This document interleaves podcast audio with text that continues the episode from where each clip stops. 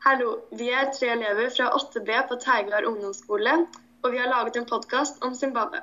Jeg heter Helle. Jeg heter Sebastian. Jeg heter Marius. Zimbabwe er et lite land i forhold til de andre landene i Afrika. Ja, men det er et stort land i forhold til de andre europeiske landene. Zimbabwe er faktisk større enn Polen og nesten på størrelse med Frankrike. Men innbyggerne i Frankrike har over Nei, å, unnskyld! Men i innbyggere har Frankrike over fire ganger så mange som Zimbabwes 16 millioner. Visste dere forresten at nesten hele befolkningen består av butanfolk? Det er to hovedgrupper under butanfolket, shona og ndebele. Ca. 20% av befolkningen tilhører ndebele, og hele 70% tilhører shona. Oi! Hvilke språk snakker de, da? I Zimbabwe er de offisielle språkene engelsk, shona og ndebele. Visste dere at det disse tre språkene nasjonalsangen er på? Nei, men vi må jo også nevne at hovedstaden i Zimbabwe er Harare. Den ligger faktisk 1490 meter over havet. Vet du hvordan landskapet er der? Det er nok mye savanne. Mesteparten av landet er dekket av savanne, med unntak av de skogdekte områdene i øst. Oi, hva jobber man med i et land som det? Jordbruk er den viktigste næringen i landet. Men blir det ikke for tørt til å dyrke noe der, da? Nei, det er faktisk regntid i landet fra oktober til mars. Men ja, de plages med jevne mellomrom av tørke. Tilbake til jobber. Det er ikke bare jordbruk som er viktig. Både gruvedrift, industri og servicenæringen er også betydelig. Men Marius, sa ikke du noe i stad om nasjonalsang? Hvilken dato er egentlig nasjonaldagen deres? Den er 18. april. Og en ting jeg må nevne, er valutaen de bruker i landet. Det er mye forskjellig. De bruker bl.a. amerikanske dollar, sørafrikanske rand og botwanske pula.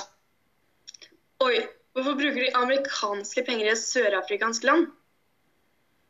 Det er en lang historie, men det er jo litt mer praktisk for turister som kommer. Er det noen grunn for turister å komme til Zimbabwe, egentlig? Ja, Victoriafallene på grensen mellom Zambia og Zimbabwe har skaffet landet betydelig med turisme.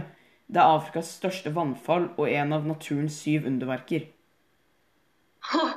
Jeg må bare nevne det fantastiske rike dyrelivet. Alt fra elefanter til geparder og neshorn lever der, og mer enn 660 fuglearter er observert. Så må vi jo også nevne at landet er en republikk, altså det ble styrt av en president. Det er noen ganske interessante historier om landets presidenter, men det må vi ta etterpå. Nå må vi først fortelle litt om det gamle kongedømmet Zimbabwe.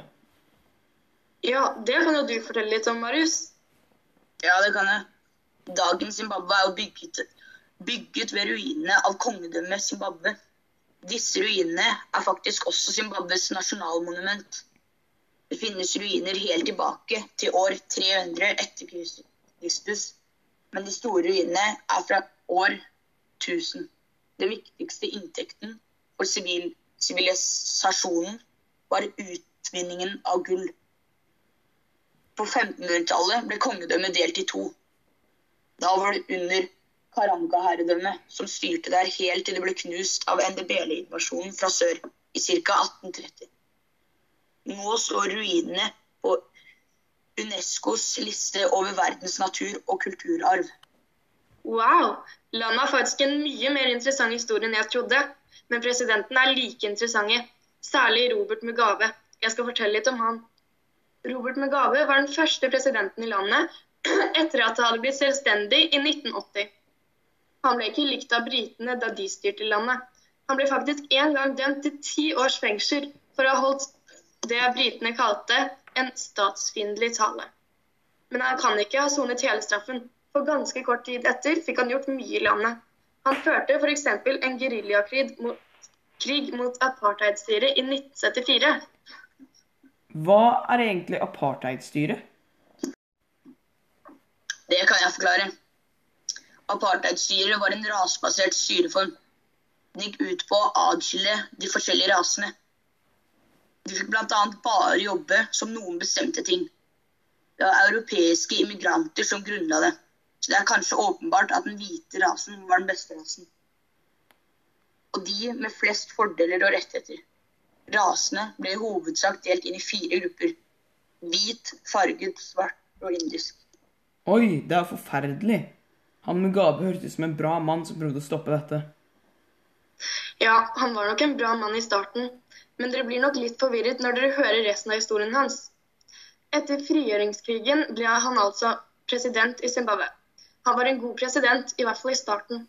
Landet vokste økonomisk, og befolkningen var blant Afrikas best utdannede. Men så begynte de tvilsomme tingene å skje. I 1982 til 1985 startet Mugabe en hemmelig utryddelseskrig mot gruppen ZAPU. Grunnen var kanskje fordi han hadde hørt at de ville ta fra makten. I hvert fall sier enkelte kilder at opp mot 20 000 ble drept under en operasjon. Han begynte også å undertrykke den viktigste minoritetsstammen, ndebele. Landet kom etter hvert i en økonomisk krise, og Mugabe drev senere med bl.a. valgfusk og korrupsjon.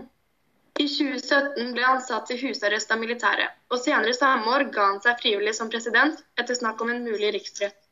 Han døde i fjor, 95 år gammel. Det var litt av en historie. Men siden du brukte så lang tid på å fortelle om tidligere presidenten, syns jeg vi burde fortelle litt om nåværende presidenten, Emerson Mangagwa. Ja, han vet jeg ikke så mye om. Kan ikke du si litt om han? Jo, det var Mangagwa som tok over etter Mungabe. Han ble faktisk dødsstemt etter å ha tent på et lokomotiv som ung. Men da dommeren skjønte at han var mindreårig, ble dommen endret til fengselsstraff. Så begge presidentene til Zimbabwe har sittet i fengsel? Det er jo et godt rykte for landet. Ja, det, de satt faktisk i fengsel på samme tid. Det var også der i fengselet at Mangagwa begynte å studere jus. I 2014 ble han visepresident. Det, det, var han helt fram til 2017, men da ble han avsatt av Mugabe. Det gjorde Mugabe så hans egen kone kunne få muligheten til å bli visepresident og president. På sikt etter dette ble Mangagwa leder for et politisk parti, og da Mugabe ga seg i 2017, ble han president. Ja, da vet vi mye om Zimbabwe etter kolonitiden. Jeg synes vi skal si litt om kolonien Sør-Rhodesia. Ja, det må vi.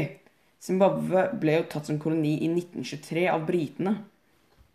Men allerede ca. i 1890 tok den kjente imperiebyggeren Cecil Rhodes over området. Zimbabwe ble da en del av koloniet Rhodesia, som senere ble delt i to der den sørlige delen fra 1980 ble til Zimbabwe. Men hva er egentlig grunnen til at Storbritannia tok Zimbabwe? Hovedgrunnen var bare å ha et land til som en del av det britiske imperiet fra Kapp til Kairo. Det jeg lurer på, er hvordan de ble behandlet av britene. Jeg har hørt at menneskene i mange kolonier hadde det forferdelig. Ja, jeg tror ikke Zimbabwe var um, en av de verste koloniene, i hvert fall. Men britene tok, tok fra dem mange kveg og jorder, og innbyggerne måtte finne seg i tvangsarbeid. Da ble de nok glade da de um, vant frigjøringskrigen og ble selvstendige i 1980. Ja, men det høres ikke ut som om det ble så mye bedre med Mugabe som president. Jeg vet ikke om det har blitt så mye bedre igjen etter at Mangagwa tok over. Det har i hvert fall blitt litt bedre de siste årene. De har f.eks. begrenset bruken av dødsstraff. Så de bruker det noen ganger fortsatt? Ja, men bare noen få ganger i året, heldigvis. De har i tillegg laget en lov som sier at en person bare kan bli valgt til to femårige perioder som president. Disse tingene er jo veldig bra. Men én ting som kan bli bedre, er levealderen deres. De lever i gjennomsnitt bare 60,8 år. Oi, det var lite. Men nå tror jeg vi må avslutte. Håper du lærte noe nytt.